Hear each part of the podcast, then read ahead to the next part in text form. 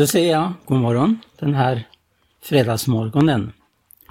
Jag heter Tage Johansson och eh, förra programmet jag hade så eh, delade jag några tankar om eh, den kamp som människan har mot synden.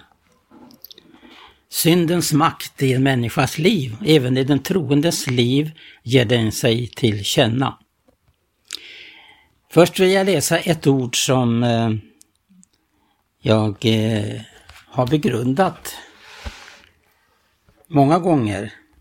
Och det med tanke på att det handlar om Jesus och den seger över denna världens första. Bibeln lär ju att eh, den här världen vi lever i, den är i djävulens våld, står det i eh, en av Johannes brev. Hela världen är i den ondes våld. Och det här eh, är någonting som eh, skildras då i att Jesus kom och övervann denna världens första. Det innebar inte att eh, synden upphörde bland människorna, att ondskan var ett minne blott. Utan det handlar om att eh, eh, denna världens furste som håller människorna i sitt fängelse, kan man säga. Och vi kan då läsa här i Matteus 12 och vers 20, 29 och 30.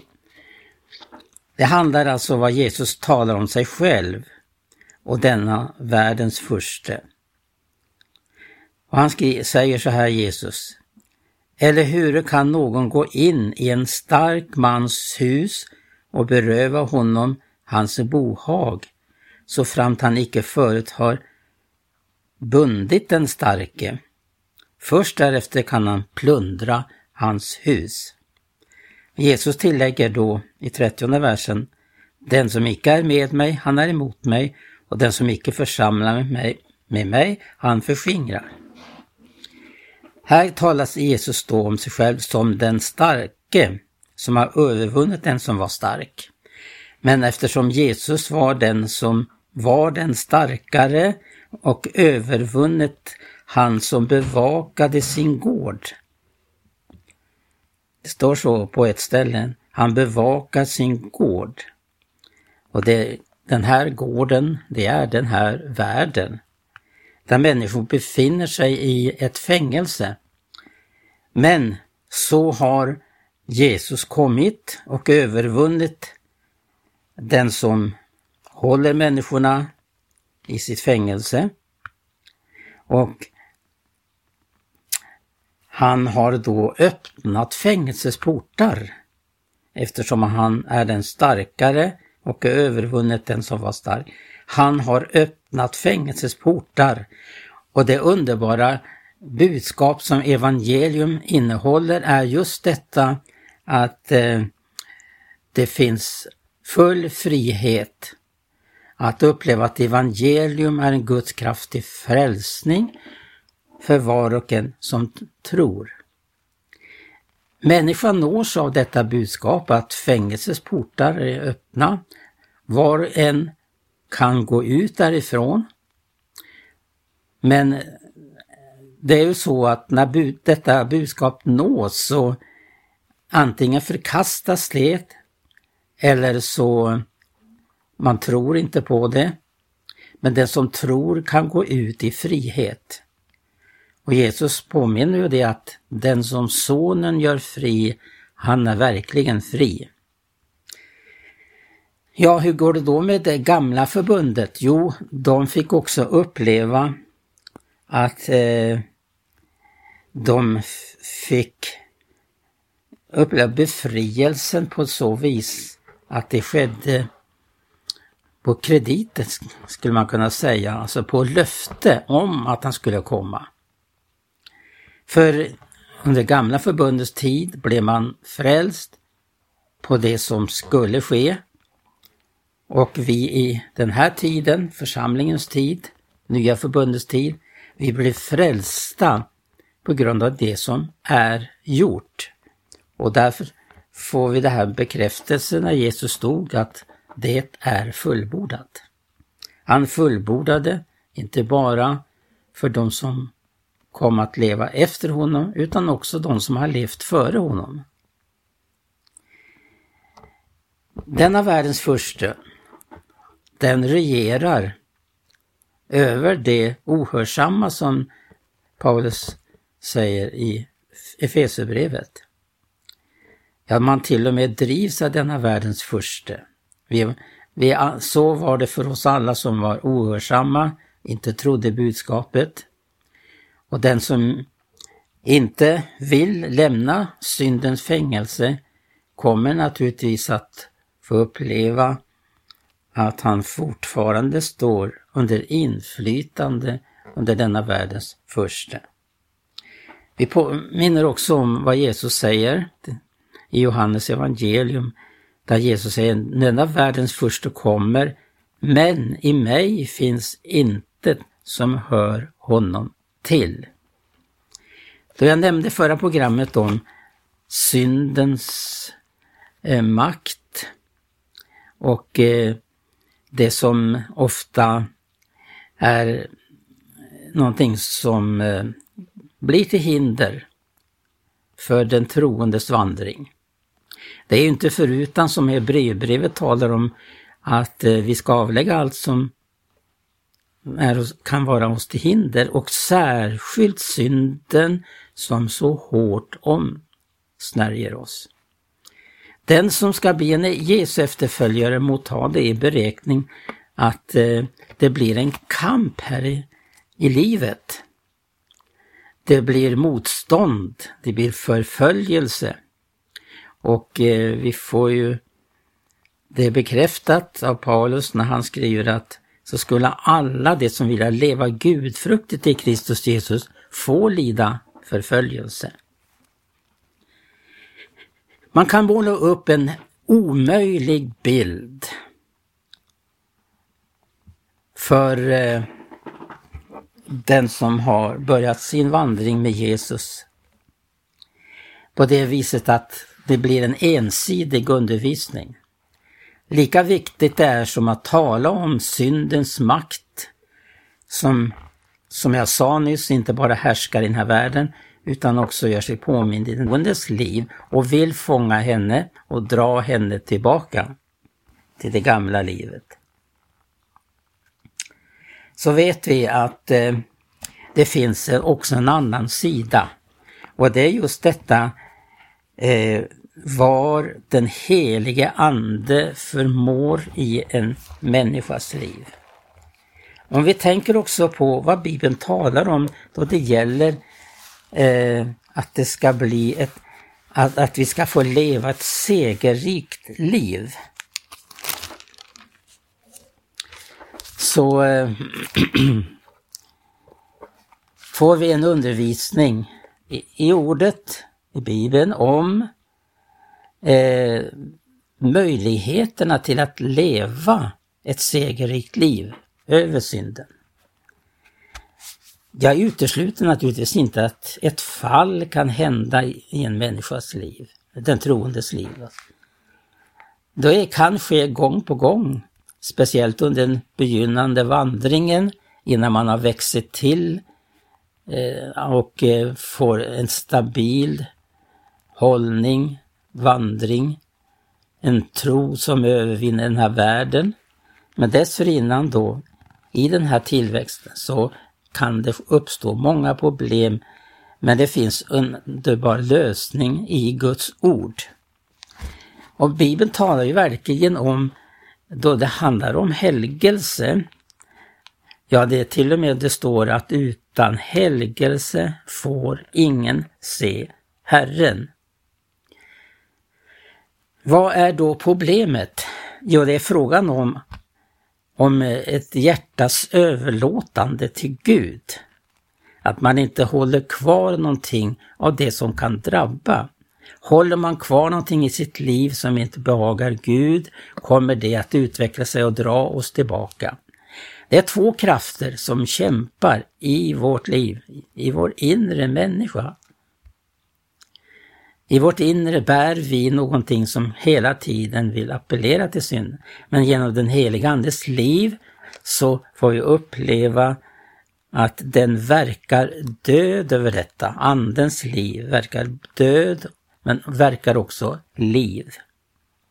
Men med tanke på det här med helgelsens nödvändighet och eh, vi kan till exempel läsa i första Thessalonikerbrevets femte kapitel Eh, och från den 23 versen.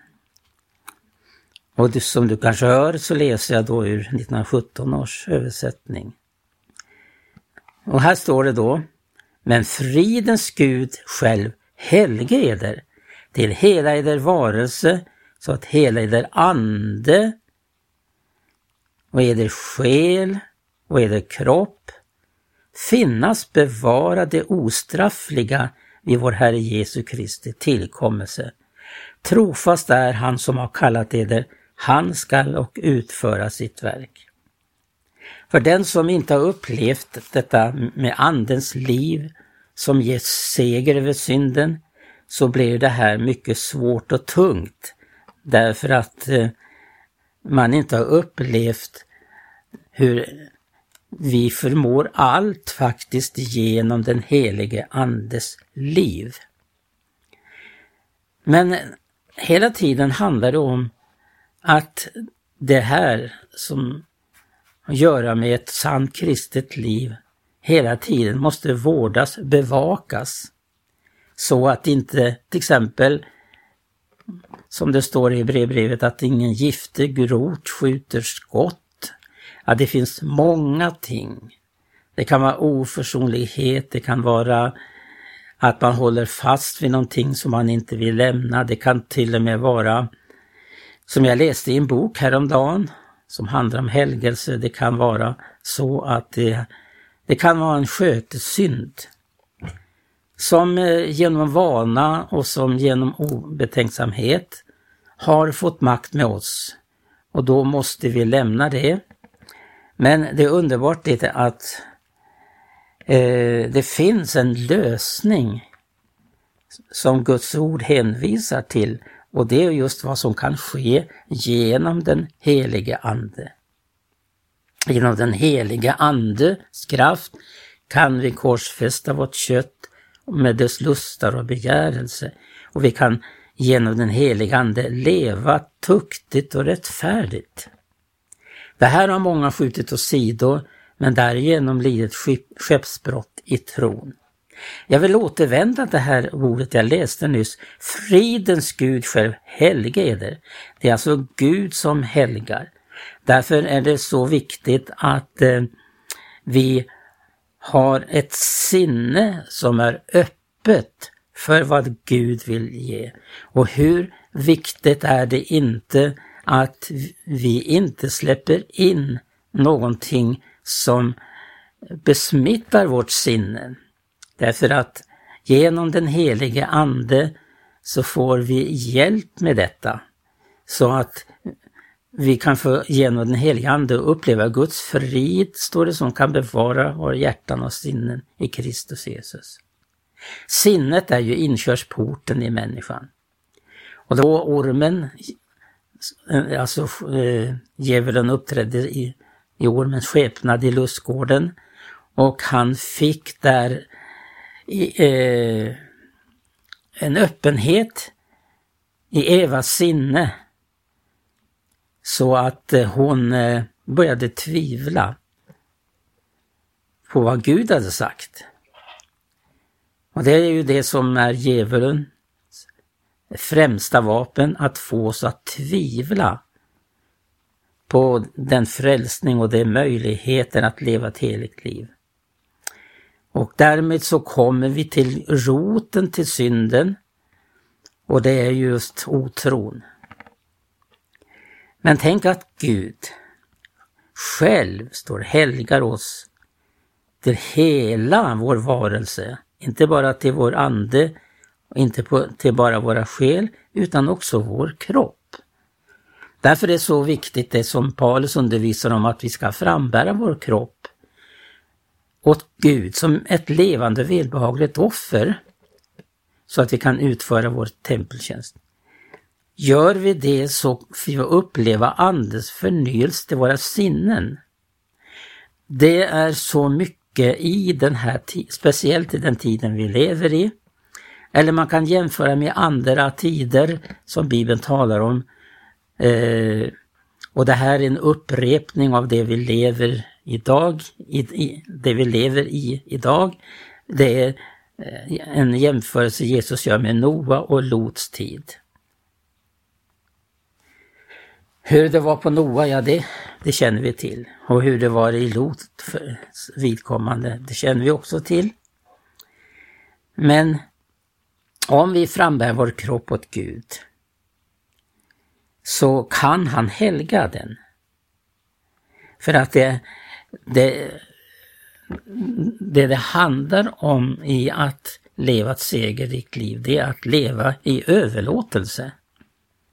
Och om också vandringen börjar lite si och så, så kommer den pånyttfödda människan snart att uppleva vad som inte är Gud till behag.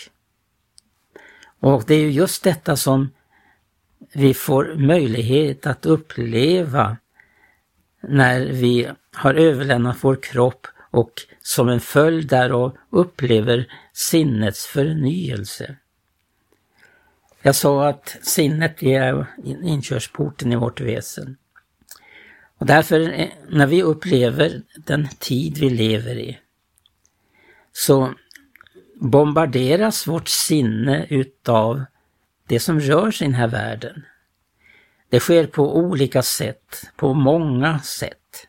Och det blir som, vad heter det, kabborrar som tränger in i sinnet och sätter sig fast. Men det finns ju en förnyelse i anden som gör att vi befrias ifrån det där. Vi, vi kommer aldrig undan farorna, frestelserna, men vi kan uppleva att vi vinner seger. Tro övervinner den här världen. Tron på Andens liv, vad Anden förmår. Därför att den förmår att eh, helga oss till hela vår varelse. Och då kommer också det här löftet efter den 23 versen och läser vi vers 24. Trofast är han som har kallat eder. Han skall och utföra sitt verk. Gud har lovat att ta hand om oss om vi eh, överlämnar oss åt honom. Om vi inte går och haltar på bägge sidor. Och det är väldigt allvarligt och Jesus säger att den som inte församlar med mig, han förskingrar. och eh, eh, Ja, jag läser den versen igen. Den som inte är med mig, han är emot mig. Och den som icke församlar med mig, han förskingrar. För att gå, återgå till det här med helgelsens nödvändighet. För alla vill väl uppleva att vi vill se Gud en dag. Det kan vi inte göra i vår eh, förgängliga tillstånd. Vår kropp är förgänglig. Vi ska få en ny kropp som kan leva i himlen. Ja, någon har sagt till och med att om en ofrälst skulle komma in i himmelen så skulle själva himlen bli ett värre helvete än själva helvetet. Och det är ju så att eh, det behövs en oförgänglig kropp, en uppståndelsekropp för att ta del av himmelens härlighet, att kunna se Gud. Och man märker väldigt tydligt i skriften att eh, Bibeln med stort allvar uppmanar just detta som har att göra med helgelse och hur man upplever helgelsen. För Petrus skriver ju så här i sitt första brev, första kapitel, andra vers, att vi är utvalda enligt Guds faderns försyn i helgelse i anden och till lydnad och till bestänkelse med Jesu Kristi blod. Nåd och frid föröker sig hos eder. Och längre fram i samma kapitel så uppmanar Petrus just detta att leva i en helig vandel. Jag nämnde här nyss att om man inte har en rätt inställning eller upplevelse av Andens liv så blir dessa uppmaningar oerhört tunga. De, ser, de upplevs som omöjliga att uppleva. Och det är verkligen så också att det är omöjligt att uppleva och följa dessa uppmaningar om helgelse bland annat om inte man får uppleva eh, Andens friska liv. Och det är den som är så viktig att den ska vårdas. Vi ska vårda vårt andliga liv så att vi inte blir offer för det som vi ständigt blir utsatta för. Men tänk så underbart att den heliga Ande, den har obegränsade möjligheter.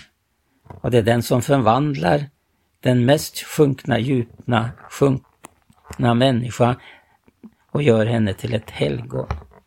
Men Petrus uppmanar här, och återigen så får vi uppleva att eh, vi påminns gång på gång. att Hur talar inte Hebreerbrevet allvarligt om detta? Och tar exempel på de som gick under i öknen därför att man inte tog vara på Guds ord.